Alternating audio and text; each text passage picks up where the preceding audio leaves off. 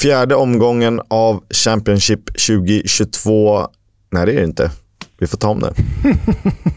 Ska han skratta också? Fjärde omgången av Championship 2023-2024 är spelad. Eh, vi är tillbaka, vi ska prata om den. Eh, men först ska vi prata om någonting viktigare.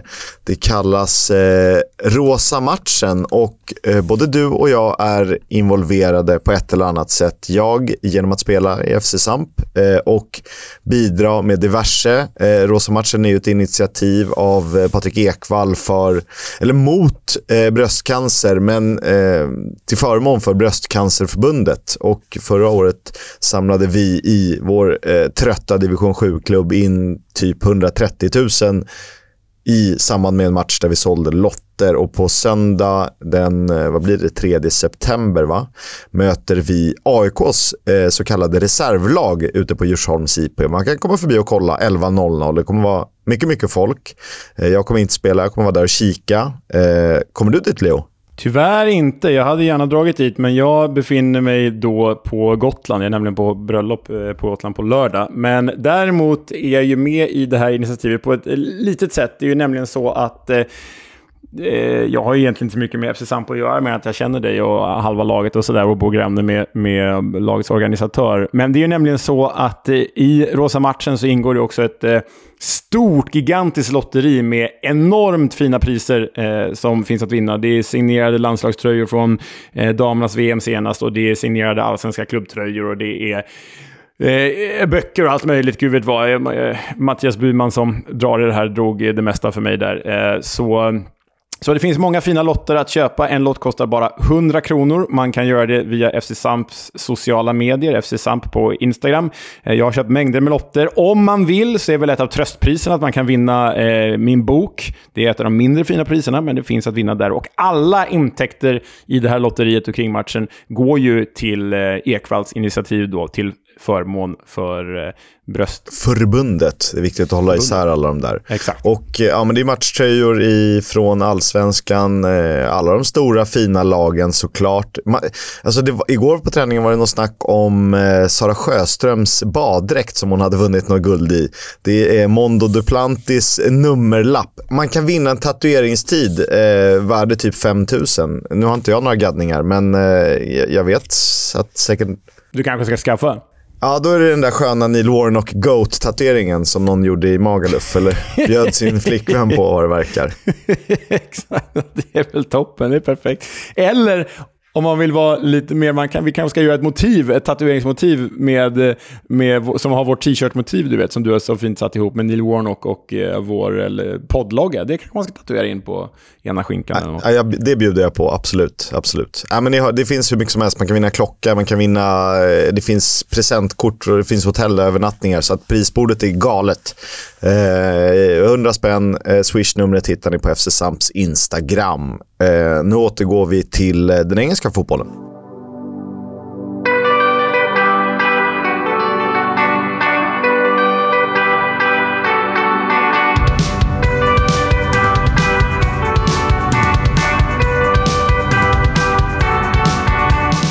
Du lyssnar på Football's Coming Home, en podcast om The Championship. Också lite League 1 och League 2 i eh, vår älskade engelska, den riktiga engelska fotbollen som vi kallar det. Eh, jag som är med er här heter Oskar Kisk och eh, vid min sida, åtminstone mentalt, så har jag ju dig, Leo. Ja, det räcker så. Vi behöver inte säga de där tusen namnen varje gång. Men jag är med dig. Leo är närvarande. Eh, vi pratade mycket om rosa matchen. Vi glömde nämna att vi faktiskt har en intervju den här veckan. Det är ju skitkul. Ja, det är faktiskt jäkligt roligt och eh, ni som har läst eh, avsnittsbeskrivningen, ni, ni ser ju att den är West Brom-inspirerad. För vi kommer prata med West Brom-supporten, framförallt den tidigare Helsingborgsspelaren och landslagsspelaren och kanske ännu mer framförallt min stora barndomsidol, Joso Matovac. Ja, det är mäktigt. Det, där, det är ett av de där namnen som man minns från, eh, från tidigt 00-tal, sent 90-tal i allsvenskan som man eh, lärde sig att eh, tycka om. Mm. Tycker du att vi ska prata lite fotboll? Ja, jag tycker vi kör på det va? Vi gör det. Eh, det har spelats en eh, omgång, nummer fyra i ordningen den här säsongen. Eh, Den började redan på fredagen med eh, supermötet Hull-Bristol City. Lite rugbykänsla där. Ja, det kan man verkligen säga. Men det är ändå tur att det är två lag som är vana att spela på rugbygräs som möter varandra. Men det blev ju 1-1 här, eh, uppe i Kingston upon Hull. Men det borde kanske ha blivit borde ha blivit 3-1. Kisk, vad säger om det? 4-1? För Hall var ju... Alltså, så här. Hall dominerade ju matchen, hade ju liksom bollinnehav och skapade lägen, men det var Bristol City som hade de farligaste chanserna. Det var en märklig match för Bristol City. Å ena sidan borde kanske Hull gjort tre mål på grund av sin dominans. Å andra sidan borde Bristol City gjort tre mål, för de brände typ tre öppna. Ja, eh, lite konstigt. Eh, nu har jag inte kollat XG för just den här, men eh, lite svårbedömt. För Hall förtjänade, men det gjorde ju också Bristol, precis som du säger. Eh, det vi kan konstatera är att Ozan Tufan gjorde sitt fjärde mål för säsongen för Hall, vilket betyder att han är uppe i delad skytteligaledning med Adam Armstrong och Jonathan Rowe. Ja, och eh, det skulle ju bli, komma att bli 1-1 i den här matchen, för Naki Wells lyckades ju eh, kvittera, få det målet bortdömt och sen kvitterade han igen. Så det blev ju alltså 1-1 här, men för egen del var det här väldigt gaffer frustrerande, för jag har redan spelat bort mig den här säsongen, Kisk, fyra matcher in. För jag fick panik över att jag redan låg så långt efter, så jag drog min triple captain i Gaffer. Du vet att man får eh, tri eh, tre gånger poängen på sin kapten, vice kapten och emergency captain. Problemet var att jag hade ju Nathan Tella inne. Han spelar inte för Southampton. Jag bytte in Aaron Connolly från Hull och satsade på att han skulle hoppa in och göra ett mål igen för Hull. Det gjorde han inte. Så på min triple captain, där man typ med flax kan generera en 50-60 poäng, genererade jag typ 12 poäng. Så det gick inte så bra. Nej, surt. Ja. Du gjorde säkert en bättre omgång än vad jag eh, gjorde, men uh. Uh, ryser när jag hör det. Så är det. Naki Wells gjorde mål. Ja, det är ju...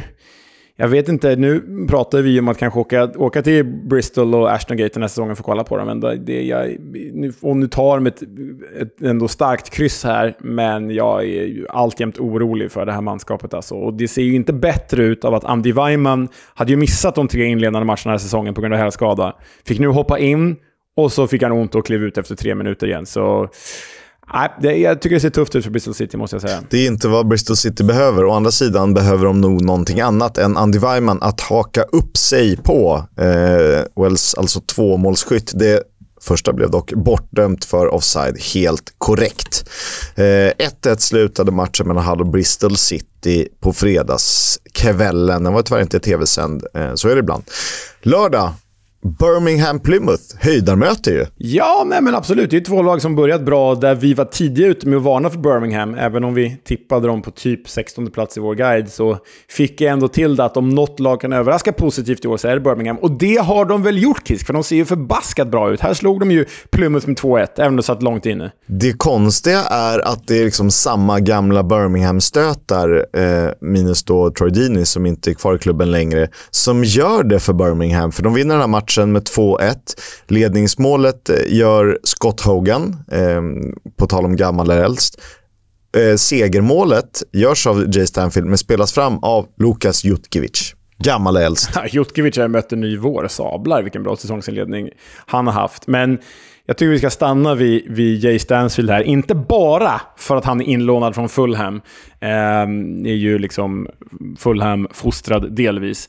Men Stansfield lånas ju in nu bara ett par dagar för den här matchen. Var ju i Exeter på lån förra säsongen, där han eh, hade stor show. Var ju väldigt lyckad. Det här är ju bara en ung, vad är han, 20-21 år gammal. Men han är ju framförallt son till en gammal Exeter-legend, Adam Stansfield, som tragiskt nog gick bort 2010, blott 31 år gammal, i cancer. Hemskt. Och då var Jay Stansfield sju år gammal. Eh, men Jay Stansfield fick alltså hoppa in här för Birmingham, debutera, gjorde ett riktigt snyggt mål också, värt att kolla upp på, på YouTube. Riktigt bra mål är det. Mot Plymouth. Och grejen är att Exeter och Plymouth är ju värsta rivaler. The Grecians, som Exeter kallas, värsta rival, är i Plymouth. Så det blir ett väldigt symboliskt mål för Jay Stansfield här. Det var verkligen, han gjorde väl något hattrick i, våras som vi pratade om, eller om det var förra hösten, eh, när han spelade Exeter. Eh, som blev lite uppmärksammat givet eh, legendfaderns tragiska eh, bortgång då såklart.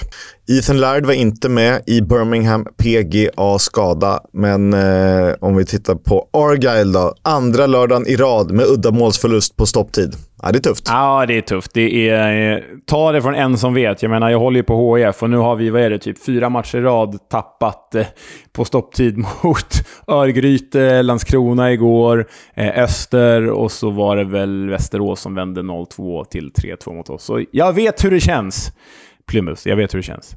Eh, vi ska fortsätta på temat stopptidsavgöranden. Ett annat lag som vi väl inte riktigt varnade för. Eh, två lag som har varnat att hålla borta från de här. Det är Cardiff och Sheffield Wednesday. Ja, och eh, om man hade fått välja en segrare på förhand där, då hade man ju valt Cardiff bara för att Sheffield Wednesday råkar vara ännu sämre än vad Cardiff är. Och så var det även den här matchen, för Cardiff vann med 2-1, men avgjorde först på straff i 98 minuten. Det är tufft för vårt kära Alls, för de är supersämst just nu, Kisk. Det är de eh, definitivt. Det här var ju Cardiffs första seger i Championship den här säsongen när Icke Ogbo gjorde mål igen, hans tredje för säsongen. Men de har det lite tufft. Josh Bowler är skadad. Eh, Carlan Grant blev inbytt sent i den här matchen, startade alltså inte. Eh, Callum Robinson petad. Det verkar vara väldigt tyst kring honom. Jag har eh, dammsugit hela nätet. Det stod inte så mycket. Nej, och det är ju märkligt när man då har den här liksom offensiva uppsättningen som Cardiff helt plötsligt har. Den är ju bra på pappret. Alltså Ike Ugbo har vi ju sett, han har levererat i Troyes i Liga han levererar här direkt. Josh Bowler vet vi vad han går för, har ju också börjat helt okej. Okay. Aaron Ramsey har ju börjat väldigt bra. Men Carlan Grant och CR47, de ska ju kunna vara ett anfallspar som nosar på att flytta upp ett lag till Premier League. Det var de ju för bara tre år sedan liksom. Men Carlan Grant ser ju helt slut ut och Callum Robinson får vi inte se alls. Så man undrar ju vad som har hänt med de där två stackarna. Ja, eh, tråkigt. Eh, de kan mer.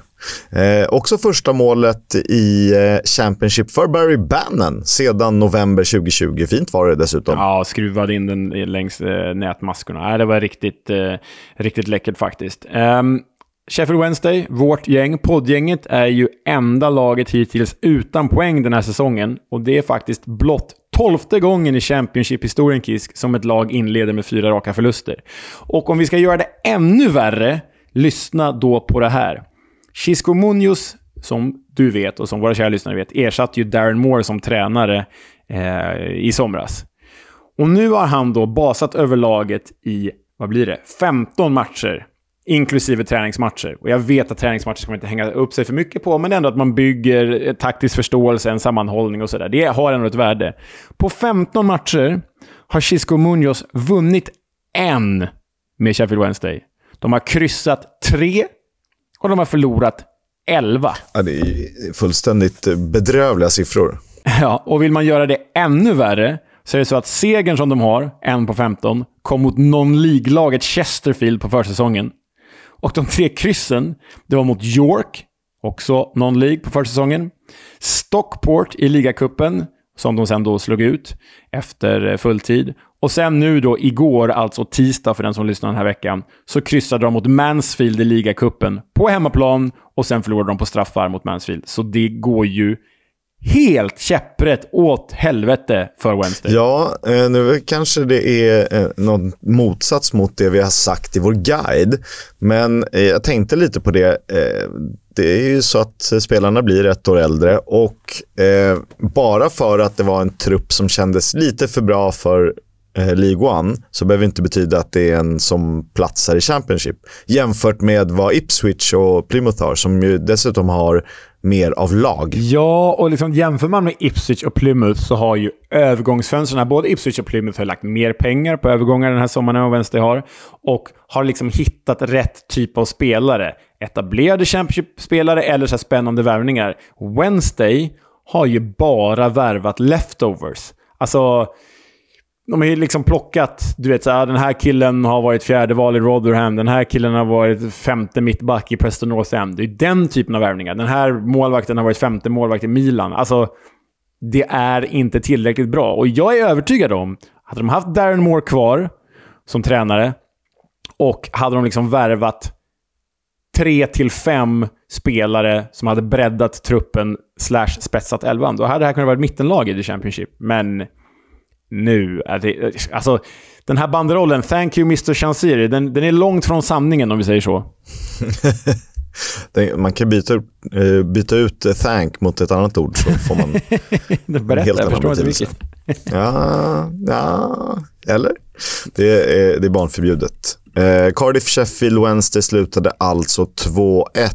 Helgens enda mållösa match spelades mellan Coventry och Sunderland. 0-0 i det mötet alltså. Ja, 0-0 där och då startade ju Coventry med trion Ellis Sims, Matty Goddams och Palmer framåt. De var faktiskt eh, farligare över 90 minuter, trots att Hadji Wright inledde på bänken. Och Sandern letar ju alltjämt efter en anfallare. Nu fick Job Bellingham spela nummer nio. Ja, vi pratade ju i förra avsnittet om att Tony Mowbray var väldigt tydlig med att han är absolut ingen nia. Eh, och här fick han ändå spela nummer nio, eh, vilket är någon konstig eh, rökridå. Alex Pritchard, som ju Mowbray har sagt, han kommer inte spela mer i Sanderen. Han blev inbytt sista 20, så jag vet inte riktigt om man ska lita på Mowbray. Han kanske är på väg bort han också för den delen. Ja, vi får se. Och nu är det bara typ två, tre dagar kvar på det här transferfönstret förutsatt att man lyssnar på onsdagen. Men om man fick önska någonting till Sandland så är det ju en duglig reservanfallare tills att Ross Stewart kommer tillbaka, för det här går ju inte. Nej, men det här funkar inte. De skulle behöva någon eh, som kan göra jobbet. Det finns ju ganska många karaktärer i, i, det här, i den här serien såklart.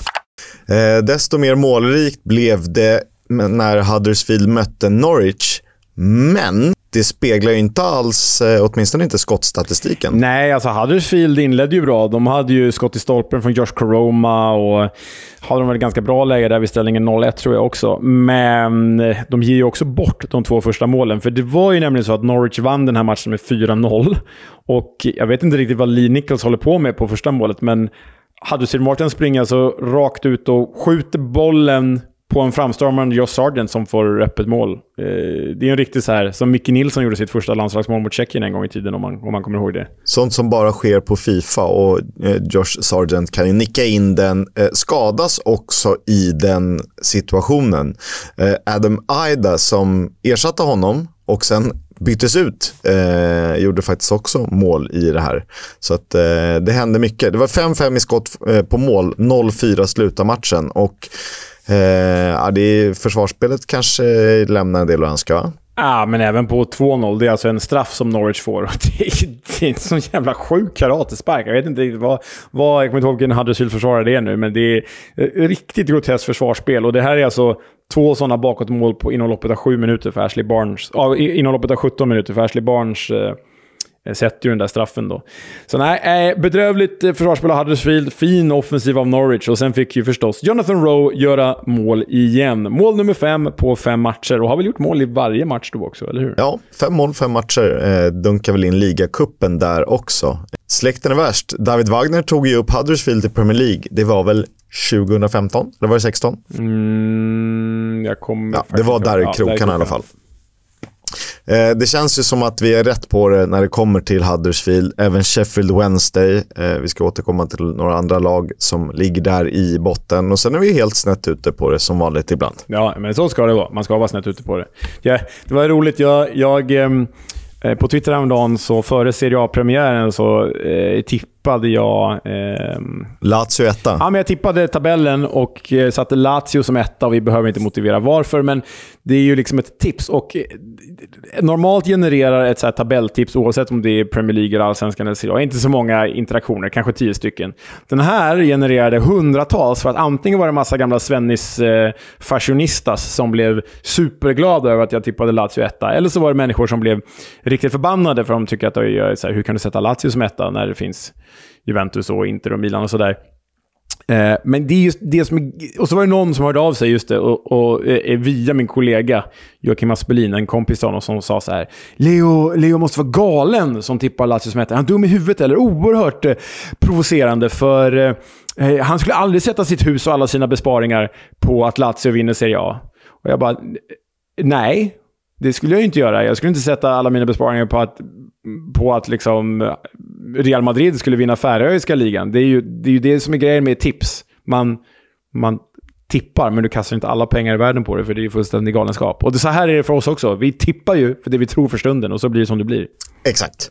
Eh, det är inte skrivet i sten, men vi skulle kunna hoppas att det var det desto mer målrikt. Vi går från mållöst till eh, målkalas till eh, målfyrverkeri. Eh, det var det när eh, succénykomlingen Ipswich tog emot eh, fiaskonykomlingen Leeds. Eh, men nu kanske det vänder lite.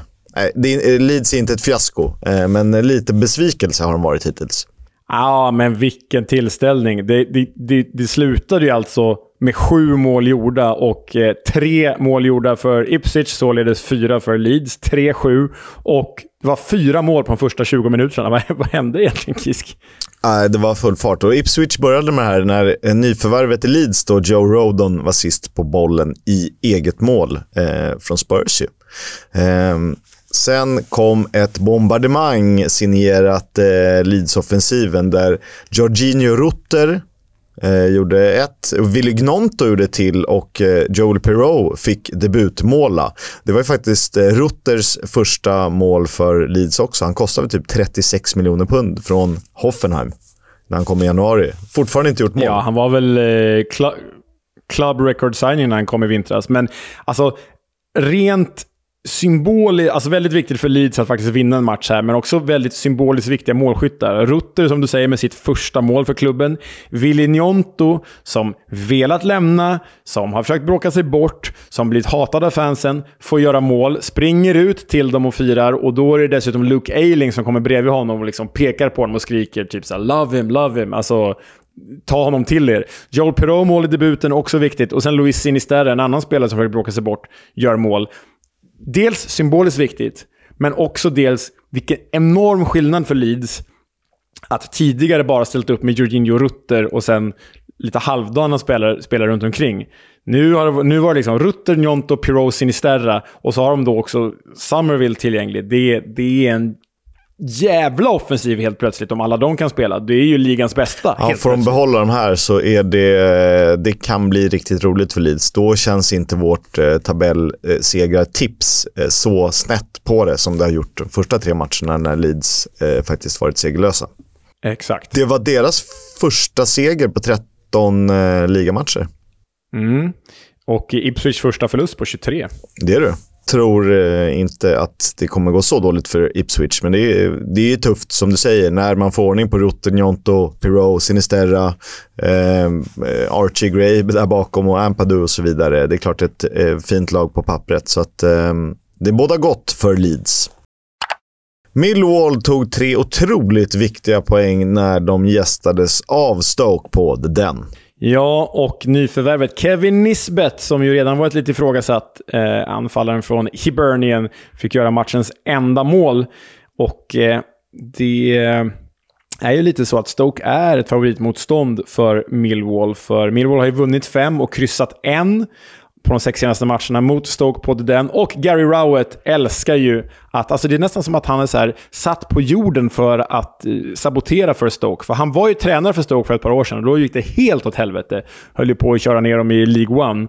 Och eh, sen, att han, efter att han lämnade Stoke, så har han ju liksom aldrig förlorat mot dem. Han har typ förlorat en gång mot dem på typ nio matcher eller tio matcher och sånt där. Så Gary Rowett älskar att hata Stoke. Jag vet inte om det är så imponerande fakta, men det, de, det skrevs om det i alla fall. Eh, Gary Rowett har, eh, tidigare då Stoke-managern, har förlorat tre av tolv hemmamatcher med Millwall mot sina gamla klubbar. Jag vet inte om det är jättebra eller om det är ganska bra bara. Det är ju inte som ah. MVG, men det, det är väl bra.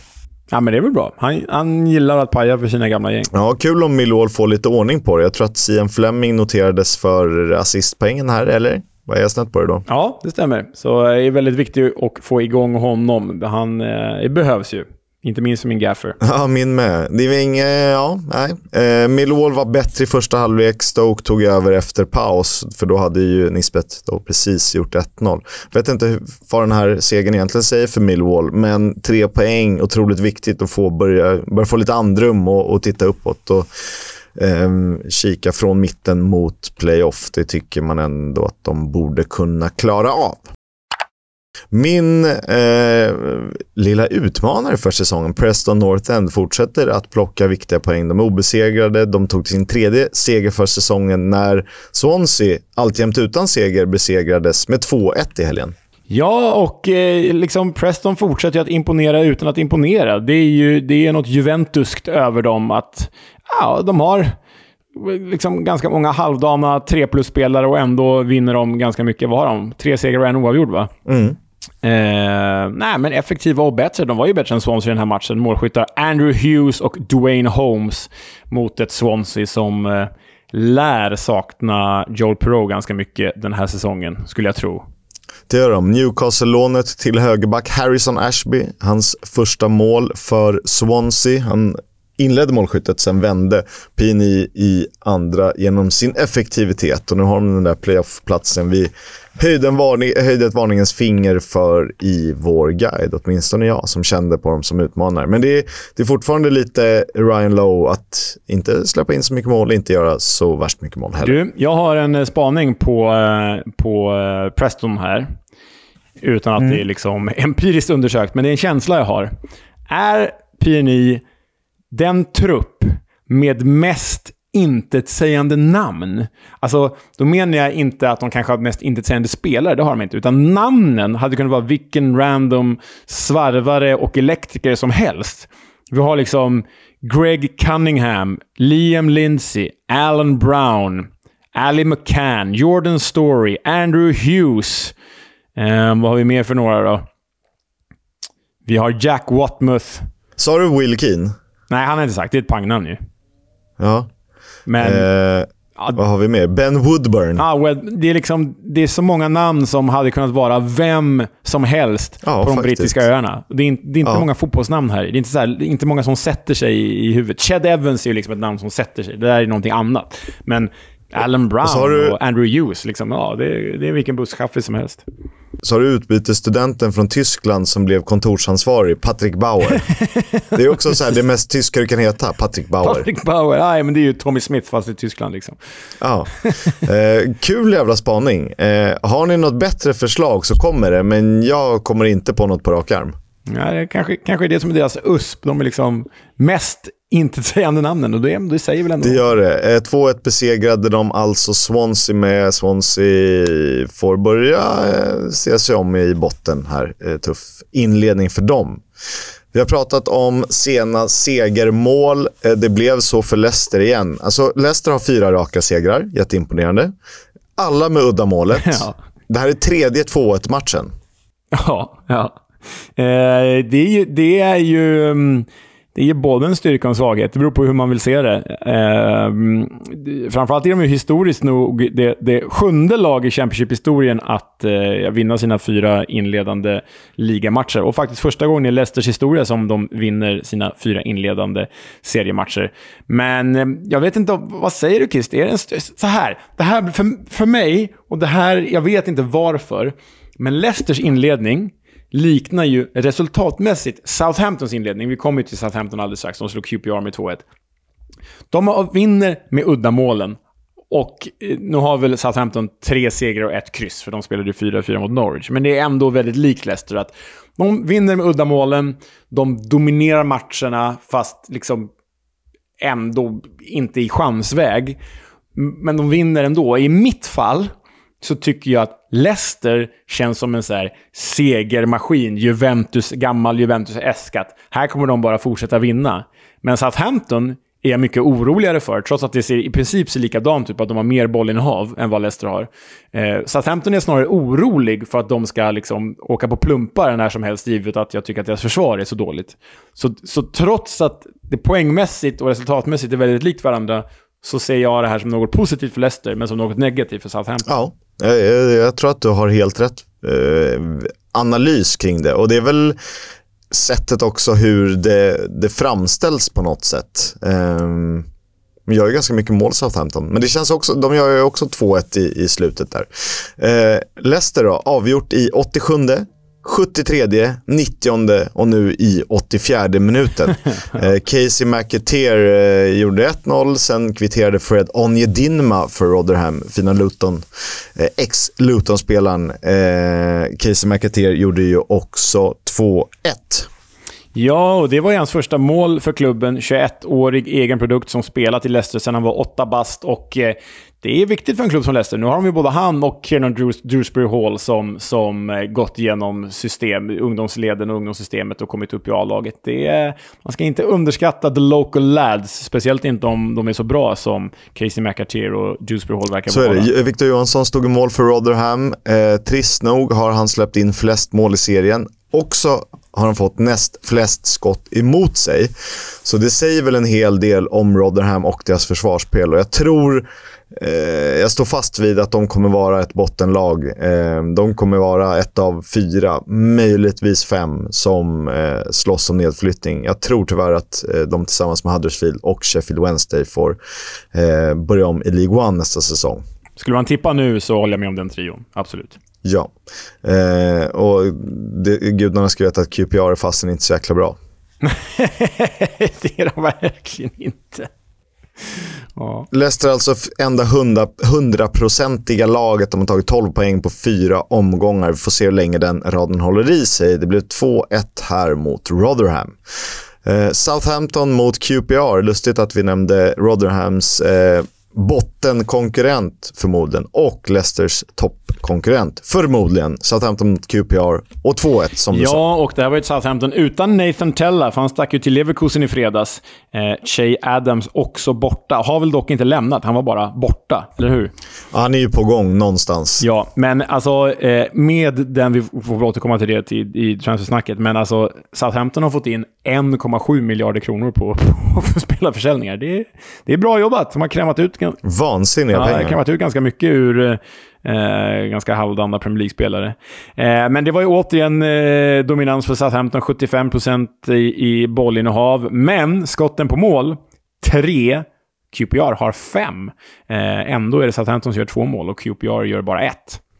Det känns ju väldigt Russell Martinskt. Ja, och eh, Adam Armstrong, mål igen då, upp i delad skytteligaledning, fyra fullträffar. Och äntligen fick Ryan Manning skriva in sig i poängprotokollet den här säsongen. Två assister fick han.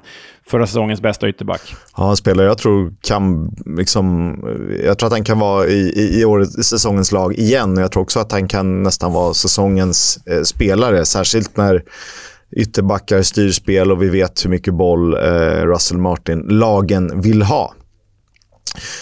Southampton har gjort näst flest mål, vilket är 10, eh, jämföra med Norwich 13. Samtidigt har de släppt in 7, vilket betyder att QPR, Rotherham, Middlesbrough, Huddersfield och Sheffield Wednesday är sämre defensivt. Det är alltså, om vi bortser från Borough så är det de fyra lagen vi tror kommer eh, slåss om tre nedflyttningsplatser.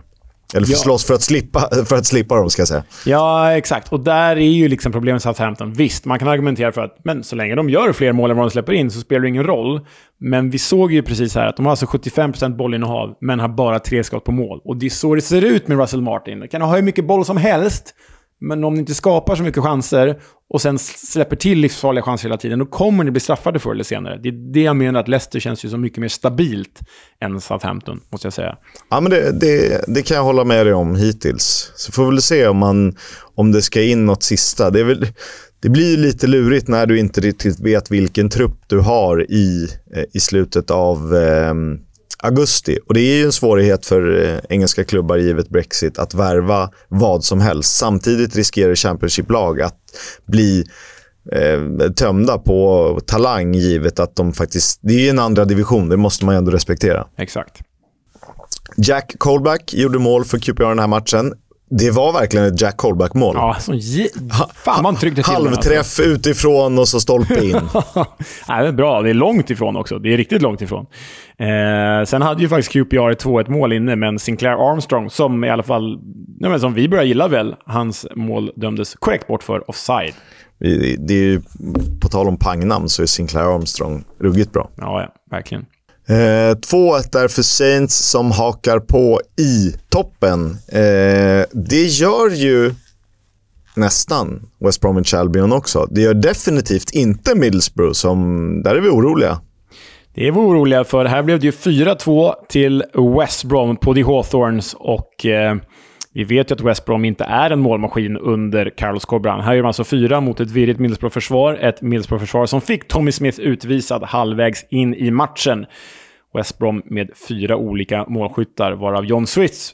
Swifts kan inte prata, John, John Swifts 2-0-mål var fruktansvärt läckert.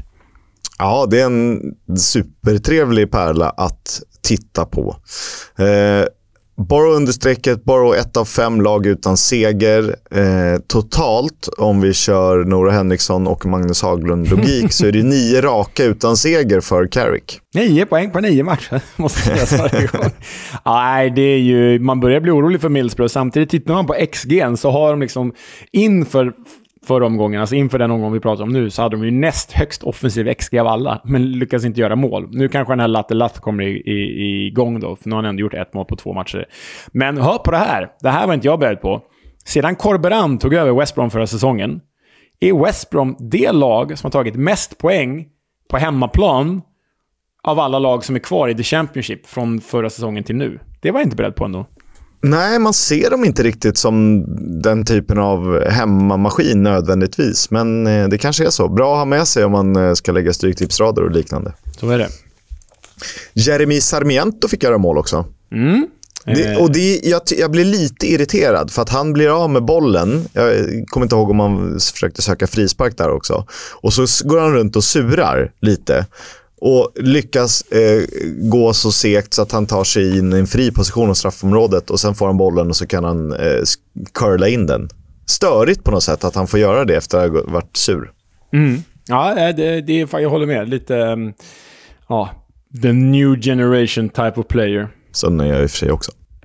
Den sista matchen för omgången spelades på söndagen och eh, det var Watford som tog emot Blackburn och den borde ju inte ha slutat 0-1. Nej, det borde den inte ha gjort, för det var ju väldigt ologiskt. Watford hade allt. 24-5 i avslut, 66-34 i bollinnehav.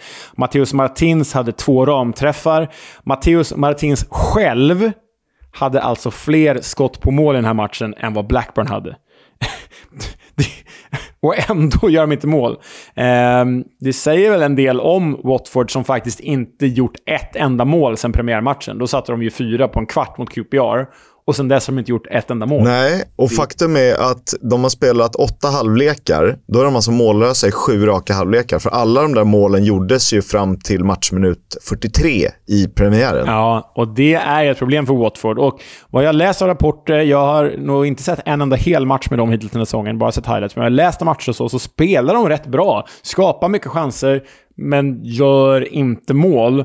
Och då straffas man ju till slut, för i den här matchen, när man då möter ett effektivt Blackburn, vi vet att de var effektiva förra säsongen, kommer vara effektiva nu också, så gör ju Ryan Hedges ett eh, fenomenalt mål. Eh, jag kan inte ens beskriva, beskriva det, för så dålig är jag på fotboll, men du kan säkert beskriva det, Kisk. Ja, men det är väl Ryan Porteous som han, sin namne faktiskt, som eh, eh, glider eh, bort mot honom för att försöka sno bollen.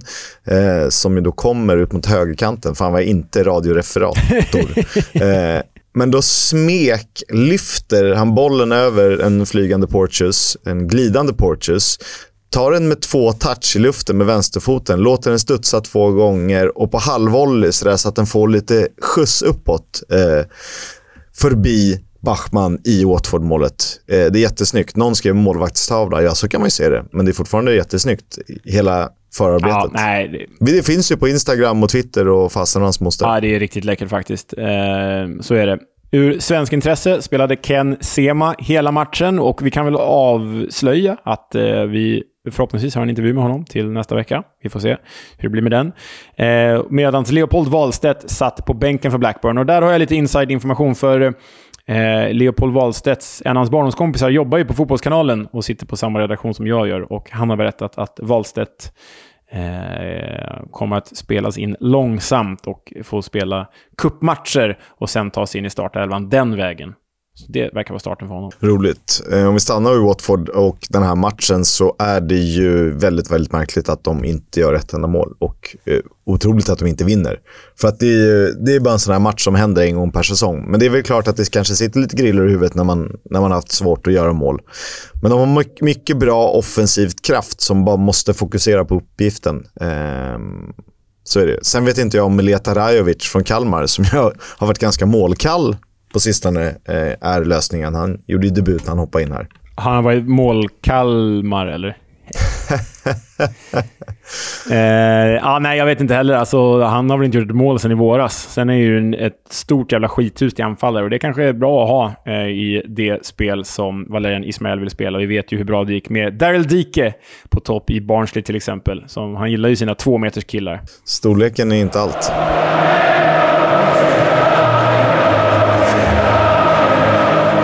Fotbolls Coming Home sponsras av Stryktipset, ett spel från Svenska Spel, Sport och Casino. För dig över 18 år. Stödlinjen.se. Den här veckan landar vi match 9 mellan Middlesbrough och Q QPR, som ju faktiskt är ett krismöte vare sig vi vill eller inte. Förmodad playoff-kandidat mot troligt bottenlag. Eh, nu har vi två bottenlag där Middlesbrough alltjämt är utan seger. Eh, Visst, de har tappat kvalitet, men jag tycker på pappret att de är klart bättre än en 22 plats. De började svagt även förra säsongen, men höjde sig sedan eh, under Michael Carrick. Då hade han sin Chubak pom. Eh, är det Emanuel Lattelat som ska bli eh, Boros hjälte den här säsongen? Det vet vi inte. Borough ett av fem lag utan seger, blott en poäng och tre mål framåt. QPR har ju ändå tagit en seger helt sanslöst. De har också bara gjort tre mål framåt, släppt in åtta. Och det är lite rörigt under Gareth Ainsworth. Samtidigt, som ni nyss hörde, så eh, gjorde de en bra insats mot Southampton. De kom till fler chanser än Russell Martins eh, bollinnehavsgäng. Och eh, det är inte omöjligt att de tar poäng här. Däremot tror jag att Middlesbroughs första seger kommer här i den här matchen. Så att eh, ettan kanske gardering. Men jag, jag, jag väljer att spika detta och för, förhoppningsvis hitta lite värde. Leo, vad hittar du när du tittar mot helgen? Nej, men jag noterar ju att alla matcher spelas på lördagen, vilket grämer mig. Men eh, framförallt eftersom att jag är på bröllop då. Eh, så det där får jag lösa på något sätt. Men eh, det är tre tidiga matcher, sjukt nog, varav vi har ett Rory Delap-derby. Sunderland mot Southampton. Han spelade ju i tre rödvitrandiga klubbar ut, eh, tillsammans med Stoke, då, Sunderland och Southampton. Sen har vi då det här eh, ja, men fågelderbyt på andra sidan Severnside, Swansea, Bristol City. Lee Trundle-derbyt. Lee Trundle-derbyt, ja. Det är så vi kallar det. Men om jag ska lyfta ut någon så är jag tråkig och tar serieledande Leicester mot Hull City 16.00 på lördag. För eh, det känns som ett riktigt jäkla pangmöte. Det känns som att eh, Hull kan störa Leicester bra där faktiskt. Ett rugbyderby ju. Igen. Igen. Sunderlands Luke O'Nien har hamnat i rampljuset sedan han... Ja, vadå Leo? Nej, men han var ute och promenerade eh, på stranden, hur den nu ser ut i Sandland, det vet fan. Men då var det en labrador som hade hoppat i vattnet och höll på att drunkna. Eh, till dess ägares stora förskräckelse. Jag tror det var en mattes stora förskräckelse. Men Luke 9, eh, handlingskraftig som han är även utanför planen, hoppade i, simmade till hunden, drog upp den och sen kär, körde han då hjärt och lungräddning. Inte mun mot mun-metoden, men han körde hjärt och lungräddning, alltså nu man pumpar på bröstkorgen då, på hunden tills den faktiskt vaknade till liv och hostade upp allt vatten. Så eh, han är inte bara eh, liksom en clown på fotbollsplanen, han är en superhjälte utanför den också. Ja, det var han som eh, gav en motståndare en eh, puss på munnen. Och en piggyback eh, ride förra säsongen också på en annan ja, Just det. Han är förträfflig. Ja, ja poddfavorit är man ju då såklart när man räddar hundar. På eh, värvningsfronten ser det ut som följande. Det vet ni eftersom ni har lyssnat till avsnittet. Birmingham har alltså lånat in Jay Stansfield från Fulham. Blackburn lånar den irländska offensiva mittfältaren Andy Moran från Brighton, 19 år gammal. Bristol City lånar Taylor Gardner Hickman. Han är 21 år i högback. Kan också användas på innermittfält från West Bromwich Albion, som inte riktigt har fått eh, det där genombrottet i Baggis som de nog hoppats på kring sin egna produkt. Bristol City släpper då en annan försvarare. Den tidigare Chelsea-talangen Thomas Kallas, eller Kalas som han stavas, går till Schalke 04. En lite festlig övergång. ja. Cardiff lånar ut Joel Bagan till Sulte Vargem. Eh, vi brukar kalla honom Goal Bagan efter att ha gjort några kanonpåsar från sin ytterbacksposition. Huddersfield plockar in Ben Wiles från Rotherham och om jag minns rätt så messade jag med Victor Johansson inför att vi skrev guiden och jag hade ju Rotherham. Och då lyfte han ju ut Ben Wiles som en av de eh, mer spännande spelarna i deras trupp inför säsongen. Nu hamnar han alltså i Huddersfield istället. Lita aldrig på fotbollsspelare. Precis. Eh, Ipswich lånar in Brandon Williams, han är 22 år i vänsterback, från Manchester United. Han har väl fått spela lite i A-laget sådär, Brandon Williams, de senaste säsongerna. Så det, ja, det är ett namn man känner igen. Ja. Och sen vet ni ju att Leeds har värvat Joel Perreault från Swansea. Gjorde mål direkt, kostade 150 miljoner kronor och det får han ju vara värd. Det är såklart han är. Norwich plockar in Adam Forshaw, eh, 31-årig rutinerad centralfältare från Leeds. Vart i Borough tidigare, va? Jajamän. Leicester lånar den 23-årige turkiska yttermittfältaren Yunus Akgün från Galatasaray. Och jag pratade med Adam Pintorp igår, eh, kommentator på eh, TV4. För han gjorde nämligen Galatasarays bägge kvalmatcher nu i Champions League-playoffet. Och Yunus Akgün gjorde ju mål i första mötet mot Molde och var då enligt Adam Pintorp den bästa spelaren i den matchen för Galatasaray. Eh, och fick nu inte spela returen då mot Molde som att han flyttat till Leicester. Så det kan bli ett spännande namn att följa. Intressant. På tal om Leicester då, så säljer de Timothy Castani till Fulham för 150 miljoner. Vad känner du kring det, Leo? Ja, men jag tycker det är ganska bra för alla parter. Leicester har ju redan spelat utan honom, så de har gått vidare. Får 150 miljoner kronor för en ytterback i The Championship. Det är ändå bra pengar. Fulham får ett eh, komplement, nästan en startspelare som kan vara bättre än Canitette till höger. Så nej, men jag tycker det känns bra för allihopa. Plus att Timothy Castagne, sjukt nog, verkar vara Fulham-supporter. Du har läckt bilder på honom när han är på Craven Cottage i Fulham-tröja som ung. Eh, så jag menar, välkommen till familjen. Eh, Canitette som avgjorde Carabao Cup-mötet med Spurs. Just det, det har vi inte ens pratat om. nej. Eh, Southampton säljer Nathan Tella till Bayer Leverkusen. Och eh, Saints ersätter då med Ryan Fraser från Newcastle och Mason Holgate från Everton. Det är, det är fina namn om inte annat. Ja, vad känner du där? Alltså, Ryan Fraser var ju superbra i Bournemouth för ett par år sedan i Premier League. Och sen har han ju inte spelat en match typ på ett år i Newcastle. Och Mason Holgate har ju varit en fringe player i Everton, kan vi säga det? Liksom vikarierat på olika ställen i backlinjen. Vad, vad känner du om de här två spelarna? Eh, Nathan Tella känns mer komplett, men å andra sidan har han spelat en nivå ner eh, på sistone, medan Ryan Fraser levt väldigt mycket på sin snabbhet. Eh, men de är väl inte helt olika i att de är målfarliga eh, yttrar. Um, så där känns väl inte helt dumt, givet att man får respektera vilken serie man spelar i. Holgate är väl bra som alltså, komplementspelare på flera positioner beroende på hur man vill formera. Uh, han har ju använt sig av både tre och fyrbackslinjer, den gode um, Russell alltså, jag tycker ju, Vi har ju varit inne på Southamptons mittbackar tidigare, för det tycker jag är deras svagaste lagdel. Med Jack Stevens och allt vad de heter. Bednarek. Bednarek. Och jag tycker att Mason Holgate är en till sån där ganska skräpig mittback. Han kan ju gå mycket till höger också, men, men återigen vill jag göra liknelsen med Agger och Skertel. Det känns bara som en till Agger-Skertel-person som kommer in. Sen ska han vara rätt bra med fötterna. Eh, se om man kan få använda det i ett eh, Russell Martin-lag till skillnad från Sean Dyche-lag då. Ja, men äh, det är, inte, det är inte man plockar in en spelare som man känner wow. Men eh, det behöver inte nödvändigtvis vara dåligt heller. Gud, vilken hel idé. Verkligen. Vi går vidare. Stoke värvar mannen med namnet Wouter Burger eh, från FC Basel, 22 år i centralmittfältare. Gjorde mål direkt här i ligacupen faktiskt. Stoke säljer också Jacob Brown till Luton för 30 miljoner kronor. Gjorde också mål direkt i ligacupen för The Hatters. Jajamän. Och så har vi en till då för er som orkat följa med så här långt. Watford värvar alltså Milita Rajovic från Kalmar för ungefär 20 miljoner kronor.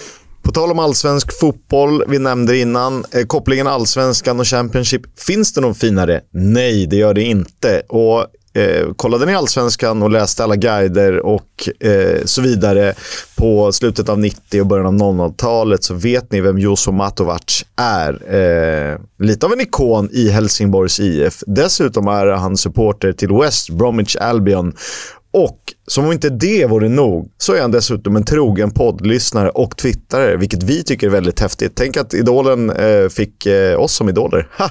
Ja, gud ja. Eh, men det här var ett trevligt samtal. Ni kan ju lyssna och se vad ni tycker själva. Ja, Joso Matovac. Eh, det, kanske ska reda ut det där direkt. Eh, säger man Matovac eller Matovac? Matovac egentligen. Ja. Det är väl det riktiga. Man har väl hetat Vack genom alla åren. Så att, men Vats är nog det som är det riktiga. Just det. Ja, men då ska jag, lägga det på, ska jag köra det framöver i alla fall. Eh, äh, men vi har bjudit in dig för att du eh, lyssnar på vår podcast, vilket vi tycker är väldigt roligt. Och eh, framförallt för mig, då, eftersom att jag växte upp som Helsingborg-supporter på den gamla goda tiden när det faktiskt var roligt att heja på HF. Ehm, och eh, ja, men sprang runt och låtsades att jag var du helt enkelt. Det är märkligt när man ser så här 20 år senare. Men det tycker vi är extra kul förstås. Och eh, vi tänker att vi ska prata lite engelsk fotboll med dig. Vad, vad, vad är engelsk fotboll för dig egentligen? Oj, det är ju den fotbollen som jag är uppväxt med. Jag är uppväxt och mina föräldrar skilde sig. Jag flyttade ihop med min pappa. Min pappa var fotbollsintresserad. Så jag vet, vi satt ju där på, på vardagarna. Jag tog min lilla tipskupong där. Jag var bara 9-10 år där och så gjorde jag lite system. Och började reducera system. Man kollar på de här lördagsmatcherna varje vecka. Och, så att det är ju den fotbollen som jag och den ligan som jag har växt upp med som har legat mig liksom varmast om hjärtat. Liksom. Så jag har ju följt den genom alla år och tyckt att det varit jätteroligt att titta på. Och nu på senare år, faktiskt nu när det har kommit in så mycket pengar och allt detta, så har det blivit lite grann att det är nästan Championship som man tycker är, är eh, roligare än Premier League i stort sett. Ja, det, det, här är alltså inte, det är inte ett placerat svar som jag har bett dig säga, utan det, det sa du genuint. Det, det, ja, verkligen. Absolut. Ja, det, det menar jag verkligen. Så är det. Ja, Nej, men då känner du samma sak som väl jag och Kisk gör. Då, att det liksom blivit för stort, liksom för, för mycket pengar. Nästan som ett rymdskepp på en annan planet. Hela den här liksom, Ja, det är inte så mycket fotboll mer. Utan är, det är det ju i och för sig. Det är roligt. Jag tittar ju på det tycker det är spännande och ändå följer det. Det gör jag ju. Men det här genuina liksom, intresset och att man kan gå in och engagera sig och tycka liksom... Man tappar det lite grann när det är så mycket pengar och det är så mycket sportwashing och det är så mycket grejer. och det är... Charmen och tjusningen där försvinner lite för mig. Ja, nej, men då, du, du är inte ensam kan jag meddela. Ja, eh, men du var lit, när du var liten då, liksom, växte du upp och tittade på, på eh, liksom, Tipslörd och alla de här liksom, leriga, leriga planerna? Och... Kan du sakna den fotbollen? Ja, det gör jag faktiskt ändå lite grann. Jag tycker ändå det hände mycket. Jag tyckte det var mycket mer fair play. Det var hårdare och tuffare tag. Nu tycker jag det är lite grann lite för nätt jag är ingen VAR-förespråkare heller. Jag, tycker, jag vet ju själv när man spelar så fort ska titta på någonting i repris så ser det alltid mycket värre ut än vad det är. Och saker och ting egentligen, om man snuddar handen eller inte. Man ska, jag tycker det blir lite för för puttinuttigt. Det, blir liksom, det tar udden ur lite grann. Utan jag vill att det ska vara det där gamla heliga. Man går ut och man liksom eh, man köttar och man försöker att spela bra fotboll. Så man, det är tempo. Det handlar inte om att hålla bollen 80% Man försöker ändå liksom göra mål och vinna. Och, nej, så det är ju den skolan som jag uppväxt med som jag fortfarande tycker är mest intressant. Jag kan tycka det är tråkigt att se Manchester City hålla bollen i 20% eller 80% och ha två avslut på mål efter 90 minuter. Ja, ja. Du, är inget, du är inget fan av Russell Martin-boll heller då med, med Southampton och Swansea? Nej, jo, men han är ju rolig för han är ju dålig bakåt. Exakt. Och det händer ju ändå i bägge ändarna på något sätt. Så det, det, går att leva med och det funkar ju när det är några enstaka lag. Och det är alltid de här som vill spela som City och vill vara och sådana men de räcker inte riktigt till. och de, de har inte hela paketet och då blir det ändå roligt för att det uppstår situationer och, som ändå är intressanta och roliga att titta på och följa. Ja, Ja, exakt. Men du, eh, det är ju ingen hemlighet. Vi har ju outat dig i podden som West Bromwich-anhängare, West Bromwich-supporter. Hur, hur kommer det sig? Och så jag tror som många andra i min generation så är det West Bromwich Manchester United 5-3. Mm. Matchen som gick på Tipsextra när jag var liten. Jag hade Silly Ridges och Rick Cunningham som spelade på topp där. Och det, den matchen där. Direkt efter det där så började jag hålla på West Bromwich. Jag har alltid gjort det genom alla åren. Även om jag har följt dem olika mycket genom åren så har det alltid varit det laget som jag ändå liksom, som har legat mig varmast om hjärtat. Ja, alltså den matchen den är så mytologiserad. Det, det, det skulle kunna vara kanske liksom den mest kända matchen i Sverige utanför svensk mark. I alla fall om man så pratar om eh, klubblagsfotboll. För den, ja, i min generation tror jag absolut eh, den ja. kan vara det. Absolut. Hade du någon eh, favoritspelare så i West Brom när, när du växte upp? Ja, men det var Silly Ridges. Eh, hade du honom som förebild också? Du, jag tänker att ni inte spelade sa samma... Ni, ni, spelade inte på samma position på planen i alla fall. Jo, men du vet när jag var liten så var jag en forward som gjorde en jävla massa mål. Ja, det är så alltså? Ja, ja jag tror det. Jag tror det är inte helt ovanligt för andra mittbackar heller när man var i yngre åldrar att man kanske spelar på andra positioner. Så ja. jag började när jag var liten så spelade jag forward. Jag, jag vet ju själv när jag sprang och lekte jag var uppvuxen själv med min pappa och han var borta mycket. Han hade dubbelarbete och allting. Så jag gick ut på gården där och mot ett sånt där stort nät eller staket till en dagis så stod jag och spelade matcherna och kommenterade dem själv. Och då, var och då var det mycket City Ridge och framförallt mycket den matchen som jag spelade om och om och om igen. Liksom, för jag tyckte det var så roligt. Ja. Slutar den alltid på samma sätt då? Alltid 5-3? Jajamän. Jajamän. det är. Du kunde ta en tipskupong och så hade du liksom på, efter lördagen så hade du x antal resultat och sen under veckan så kunde du liksom återspela dem själv. Även om du inte såg matcherna så kunde jag låtsas vara Everton, uh, Aston Villa 2-1. Ja. Och så ja. hittade jag på mina egna spel och skott och sköt och så blev det 2-1. Liksom. Just det. det var mitt sätt att återuppleva matcherna. Har du varit över eh, och sett dem på plats någon gång? Uh, nej, faktiskt aldrig. Men jag har faktiskt mött dem en gång. Ja, okej. Okay, berätta. Nej, men ja, kanske Jag var över ett, en sväng mellan Häcken och ÖIS där. Mm. Så var jag över en sväng i lite mer än två veckor på Wolverhampton. Ja. Och eh, provspelade där och då mötte vi West Brom. Ja, okej. Okay. Så att jag var där och spelade eh, en träningsmatch då och förlorade med 2-1. Ja, okej. Okay. Hur kändes det, hur, hur kändes det att, att möta West Brom? Jo, men det var lite speciellt att springa in där. Jag, det var speciellt att vara där överhuvudtaget på den tiden. Jag vet att jag kom till Wolverhampton. Det var jag och, vad hette han? Uh, Paul Stewart var gamla Spurs-spelaren va? Ah, ja, okej. Okay. Det blev Kiss Han var ju där på lån där så vi checkade in på hotellet och gick till träningen ihop och fick åka i hans BMW där. Och det kändes bara det surrealistiskt för mig då som kanske ja, åtminstone den senare delen av min ungdom ändå växt upp tillsammans med att titta på honom på TV. Ja. Och Graham Taylor var ju tränare för Wolverhampton på den tiden. Och vi var där och tränade och så spelade de här matcherna och få uppleva allt det där. Det tyckte jag var, var väldigt väl lärorikt och väldigt spännande och väldigt roliga, roliga två veckor. Hur blir man då som liksom ung provspelare i, i dåtidens... Eller vad är, vad är det här? Det här måste vara då... Nu tjuvkikar här. Det måste vara mitten på 90-talet. Ja, detta var nog 94, 95 då. Ja. Hur liksom, tog de hand om dig när du kommer dit som ganska ung spelare? Eller var det bara in och kör nu och så får du finna dig med i, i den här verkligheten? Men jag ska säga att jag blev väldigt bra mottagen av spelarna. Men jag och Stewart bodde på samma hotell. Jag kunde åka med honom. Han var väldigt trevlig. Man kom till träningsanläggningen. Graham Taylor var där. Men för detta förbundskapten för engelska mm. landslaget och allting. Och liksom man är där och hälsar och väldigt artig. Men sen är det bara in liksom och köra övningarna. Och då är det övning, gör det, det, det, det. Och sen var det match. Vi mötte Middlesbrough tror jag i första. Men Neil Webb där skulle göra någon comeback där eh, och försökte komma tillbaka tror jag. Ja. Och vann med 2-0 och gjorde en kanonmatch. Och då märkte man ju så fort det gick bra där, men då blev det ett större intresse och man fick lite mer uppmärksamhet. Och, ja. och på den tiden också så var det så att engelsk fotboll var ju inte så där... Man var inte så teknisk. Det var ju mer långa bollar och springa och fightas. Ja. Så när jag var där så ansågs ju jag som vara en liksom fantastiskt teknisk försvarsspelare. Ja, men det ska du ha ändå. Jag, jag vet att du är ute efter, ute, efter, ute efter ett garv här, men du var ändå bra med bollen för en försvarsspelare. Det får man verkligen ge dig. Jo, men jag blev det på äldre dag tror jag. Under, I Ålborg fick jag lära mig mycket med Hasse Backe. Det var ju inte bara att sparka bort bollen och då blev man utskälld. Och det var att hitta uppspel. Det var inte bara att tjonga upp bollen när man fick den. Så att jag på slutet av min karriär så både då mycket på grund av att man spelade i danska ligan så lärde man sig mycket och tog till sig mycket. Så blev man kanske lite klokare också. Just det. Just det. Har du eh, spelat eh, fler gånger på engelsk mark eh, utöver det provspelet?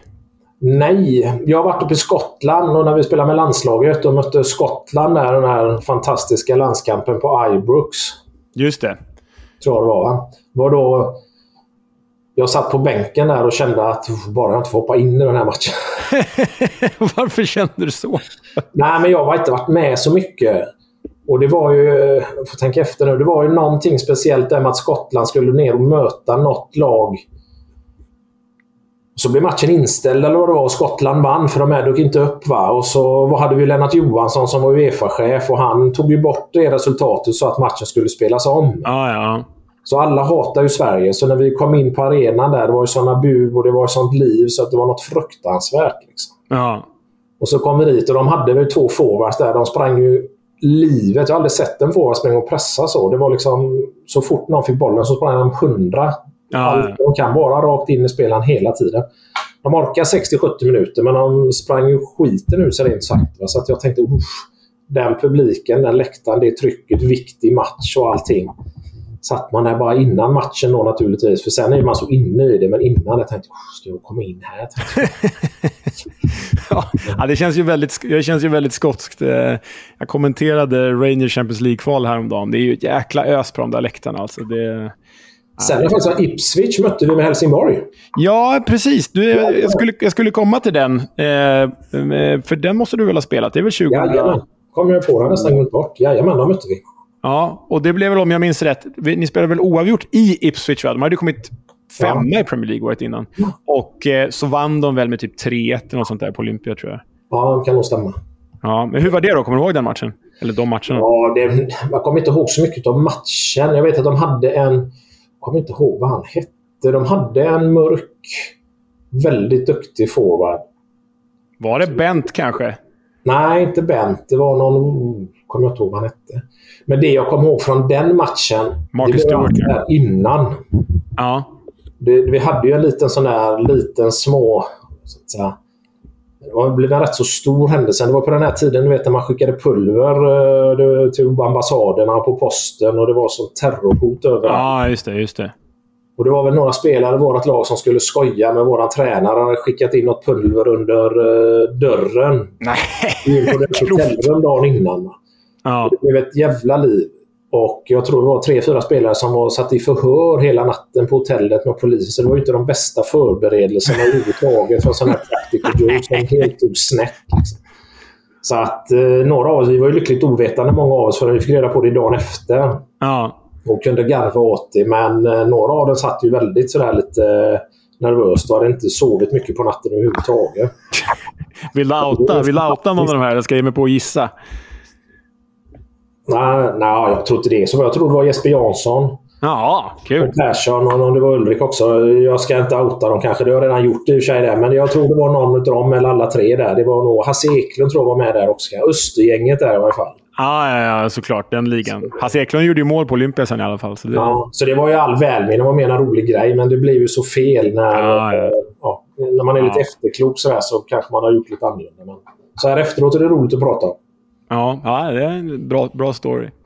Ehm, om vi går tillbaka till West Brom då. Eh, hur känner du för dem idag? Det är ett speciellt läge med ägaren där Gush- Gush- Guishan Lai och sådär. Vad, vad tror du har för säsong framför sig?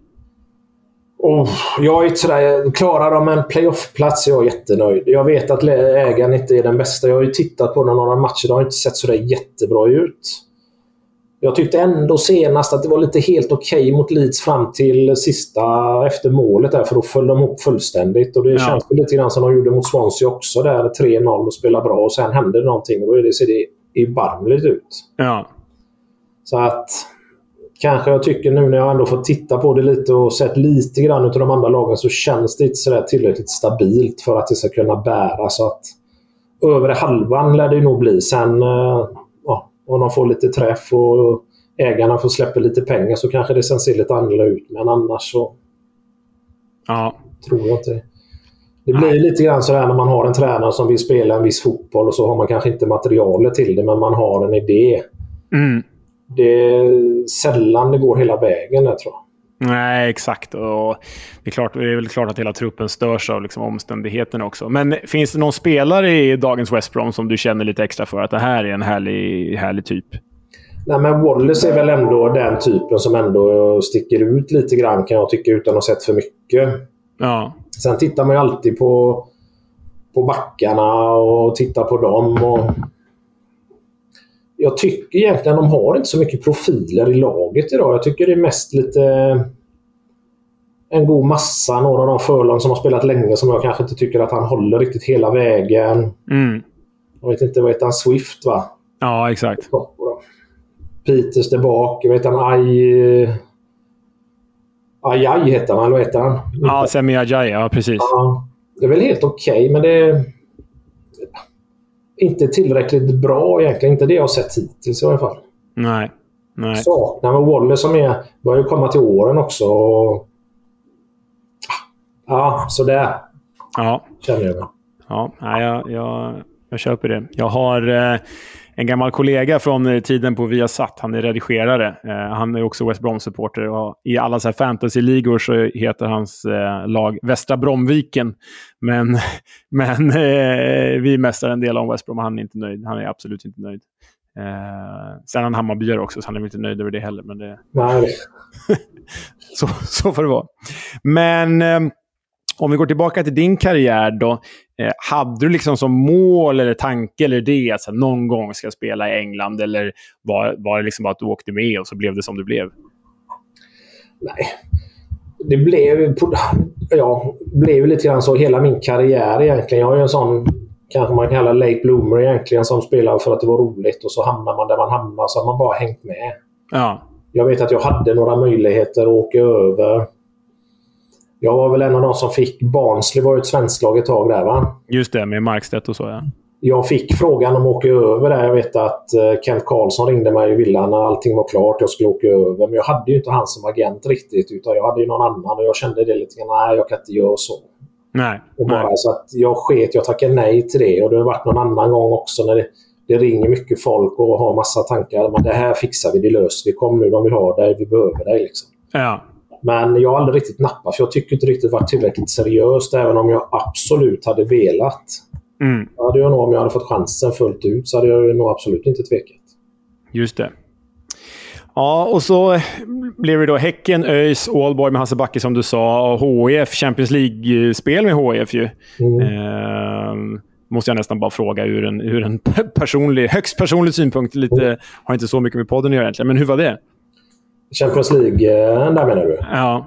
Ja, men det är ju höjdpunkten på ens karriär nästan. Man har gjort landskamper och det är, det är också fantastiskt på alla sätt och vis. Men om man nu ska se vara med i ett Champions League-slutspel och möta de lagen man mötte och få vara med i den cirkusen lite grann. Det, sen gick det bra för mig personligen också, vilket var extra roligt. Liksom. Så ja. Det, ja, det var en rolig tid. Det, en sån tid när man spelar väldigt mycket matcher men ingenting är jobbigt. Liksom. Nej, just det. Fem, fem poängen då i gruppen också. Alltså, det var ju Bayern München, förvisso gamla PSG, men ändå ett PSG med Laurent Robert och Nicolas Anelka och sen Rosenborg. Då. Fem poäng är starkt alltså. Ja, herregud. Bayern München vann det året. Vi spelade 0-0 på Olympiastadion mot dem. Enda laget som tog poäng på Olympiastadion den säsongen i Europaspelet ja, också. Jag vet att de gnällde för de tyckte vi spelade väldigt defensivt och var görgrinig efteråt. Men det skiter ju vi i. Och hemma hade vi dem på gaffen faktiskt lite grann där. Patrik Andersson blev utvisad och allting. Så jag tror vi förlorade hemma med 3-2. Eller något sånt ja, ja, ja. Bra. Ja, nej, det var, det var eh, peak, peak eh, mitt liv som Helsingborg-supporter. Det, mm. det var otroligt, får jag tacka för så här i efterhand. Men eh, vad har, vad har liksom hänt med dig efter, efter karriären? Du slutade väl 2002 kanske? Stämmer, stämmer. Ja. Um, ja. Det har blivit lite idrott och lite mycket civil karriär. Jag försökte ju ett tag där. Jag slutade. Jag slet ut min höftled där så att mm jag var i kass. Så att jag fick ju, ja, det var inte självmant riktigt. Så det var liksom ingenting som var planerat. Utan Nej. Det fick bli lite grann vad det blir. Så jag flyttade ju hem. Uh, min fru började jobba. Jag hade ett år där jag var liksom pappaledig. Började träna Utsikten faktiskt. Mm. Låg i division 4 då tror jag. Ja. 4 Och tränade även Gunnisen en säsong. Just det. Är det din, är det din moderklubb eller? Ja, jajamän. jajamän. Mm. Jag eh, tyckte det var väldigt roligt, men det, när man börjar vet, och ska träna de här... Det, nu ska du jobba först, vilket jag gjorde. och Sen så åkte du träna på eftermiddagskvällen och så kommer du hem och så är det fyra dagar i veckan med match på helgen. Man har tre barn, man har varit ja. under hela karriären väldigt mycket. Någonstans så fick man ju välja lite grann där och jag valde lite grann att satsa på den civila karriären istället.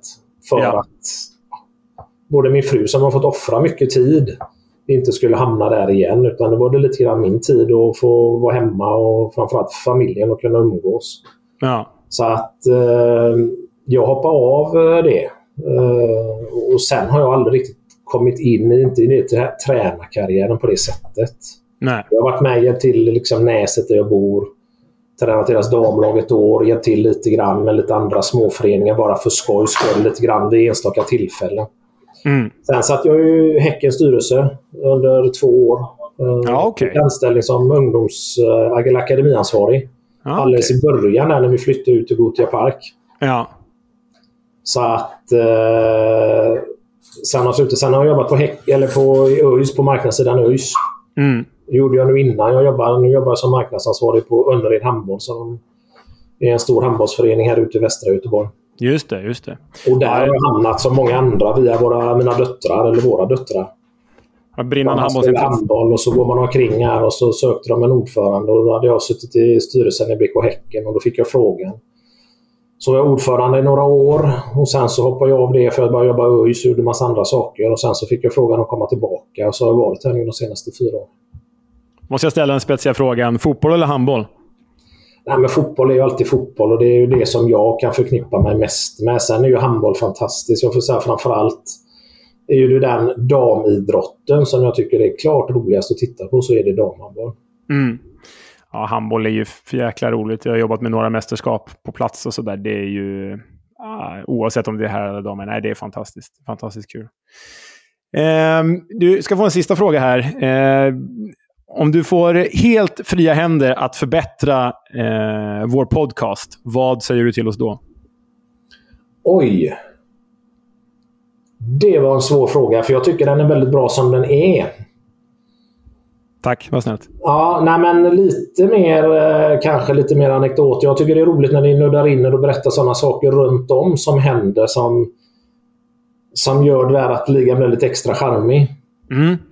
Så att eh, jag som följer matcherna har ju lite koll på resultatet. Är man inne och kollar på lite de här klippen, eh, highlightsen, så har man lite koll på det.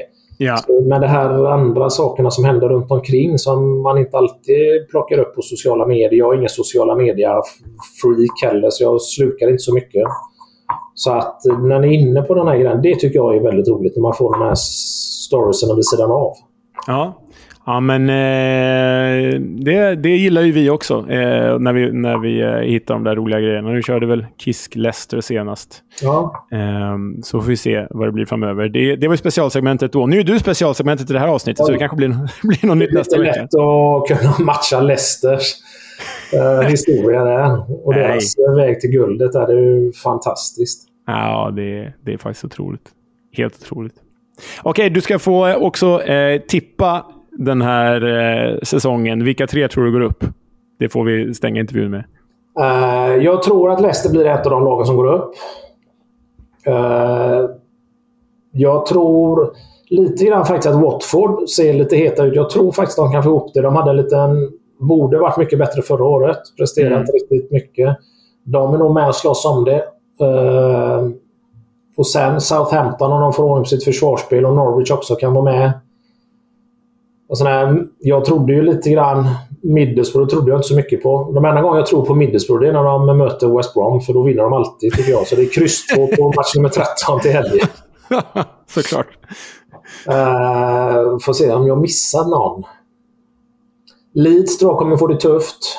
Uh, även om de kanske får in massa spelare, det vet man inte. Men jag tror de får det tufft. Uh, sen så tycker jag det är roligt om några uppstickare, om eh, Birmingham kan vara med och nosa på det lite grann. tycker jag alltid är roligt.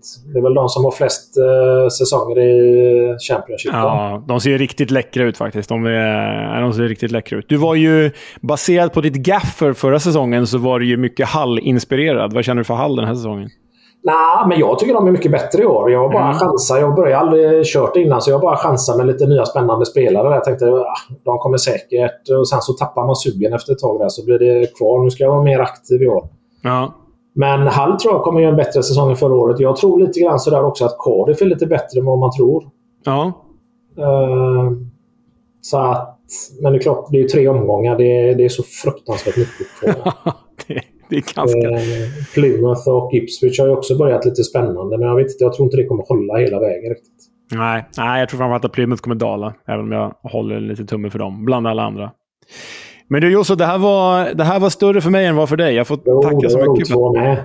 Ja, jag får tacka så mycket för att du ställde upp. Och så får vi ändå hålla en tumme för West Brom då. Då blir det i alla fall du och Kiss glada. Det gör vi. Så missar man stryket så är man ändå glad. Om man inte ska spela, men man gör det ändå. Ja, det är det bästa sättet. Ja. Det är en helt fantastisk story om, eh, om brevet med pulvret. Mjältbranden i Ipswich. Det är, det är, inga bra... Bra jävla avsnittsnamn. Ja, fan, där har vi avsnittsnamnet ju. Mjältbranden i Ipswich. Nej, det, det, det är ingen bra sätt att ladda upp inför en Uefa Cup-match borta mot Ipswich då, som alltså var Premier League-femma på den tiden, vilket är helt sjukt. Men eh, de klarade ju faktiskt 0-0 där i England, så det, det var inte fy skam ändå. Otroligt roligt att höra eh, från en spelare. Han hade ett par landskamper också, typ eh, strax under tio stycken. Och mål. Ja, absolut. Han spelade ju faktiskt borta mot... Eh, eller hemma mot Turkiet var det i alla fall i kvalet till VM 2002. Jag tror den matchen slutade 1-1. Eh, nej, men Joso var Helsingborg Legend alltså. Helsingborg Legend. Ja. Och vi vet ju att du hör här Joso, så tack igen. Eh, otroligt roligt att du var med Joso. Fortsätt gärna lyssna. Vi vill eh, ha dig med i podden och eh, up the baggies. We'll have a chat about the fucking game. About your game, last few months, last few weeks. Fucking character. Äntligen får jag använda eh, veckans Warnock. Vi har skjutit på den för vi har hittat andra mer aktuella och bättre. Den här är lite tidlös ändå. Eh, det berättas av Paddy Kenny om hur en försäsong med Neil Warnock i Cornwall fungerar. Warnock used to take us to Cornwall all the time. We're playing a game. We're all there getting changed before we go out. And Warnock's brought this young kid in, about 14 year old. This young kid's coming with his dad. And we were like, what's going on here? Why would he be playing? Anyway, he tells he says, just let you all know, lads, this is so and so and his dad so and so. He's playing 20 minutes at end of game. We're like, eh? Anyway, this young kid comes on, plays 20 minutes pre-season. I think it was Bodmin we were playing. We found out afterwards the lad's dad had decorated Warnock's house, so instead of paying him, he gave his lad 20 minutes game pre-season. jävla Warnocks alltså. Vilken jävla hustler han är. Vilken wheeler and dealer. Underbart ju. Alltså, eh, ja, äh, eh, Det är lite så, har man lyssnat på When We Were Kings om West Ham. Eh, alla WWWK-avsnitt är bra på sina sätt, men den är väldigt rolig för oss som eh, följt engelsk fotboll. Harry Redknapp och Neil Warnock är ju som de är. Wheeler dealers och det är Hustling som är, är, först. Ja, nej, otroligt roligt. Man blir sugen på att bjuda med Paddy Kenny i eh, vår podd, för han känns som en ganska rolig berättare faktiskt. Dyker upp med, sina, med sin kagge och sina pints här och var på diverse klipp, så det kan vara en målsättning. Han ser ut som en riktig sån här eh, Georgie Shore-kille. Eh, men känns ändå som han har lite innanför pannbenet. Han ser ut som han sitter i publiken på ett snooker-VM. Nej, på ett dart-VM. Så ser han ut. Ja, oh, dart-VM. Det är kanske det vi ska göra. Ja. Fan, mäktigt att åka tillbaka till Sheffield och gå på dart-VM och kolla på fotboll. Ah, ja, det är en annan resa. Det är en annan resa. Eh, det var det för idag så säger vi tack till er som lyssnade och eh, naturligtvis eh, på återhörande. Hej hej!